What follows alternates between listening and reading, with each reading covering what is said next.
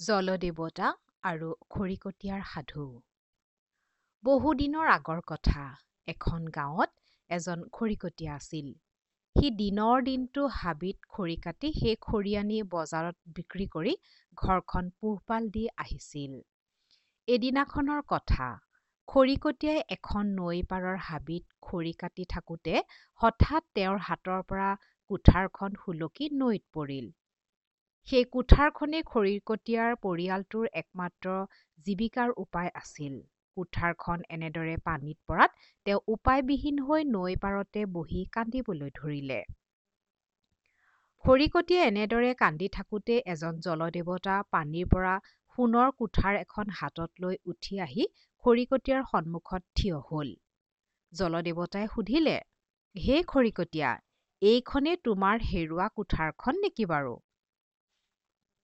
খৰিকটীয়াই জলদেৱতাৰ হাতত থকা সোণৰ কুঠাৰখনৰ ফালে চাই কলে হে জলদেৱতা এইখন মোৰ কুঠাৰ নহয়। উত্তৰটো শুনি জলদেৱতাই পানীত বুৰ মাৰি এইবাৰ এখন ৰূপৰ কুঠাৰ লৈ উঠি আহি খৰিকটীয়াক দেখুৱালে। খৰিকটীয়াই এইখনো তেওঁৰ নহয় বুলি কলে। এইবাৰ জলদেৱতাই পুনৰ পানীত বুৰ মাৰি খৰিকটীয়াৰ আচল কুঠাৰখন আনি দেখুৱালে। খৰিকটীয়াই নিজৰ কুঠাৰখন দেখি নিজৰ চকুলো ৰখাব নোৱাৰিলে। তেওঁ ভঙা ভঙা মাতেৰে কলে হয় এইখনেই মোৰ কুঠাৰখন। খৰিকটীয়াৰ এই সাধুতাত জলদেৱতা সন্তুষ্ট হৈ তিনিওখন কুঠাৰেই তেওঁক দি দিলে।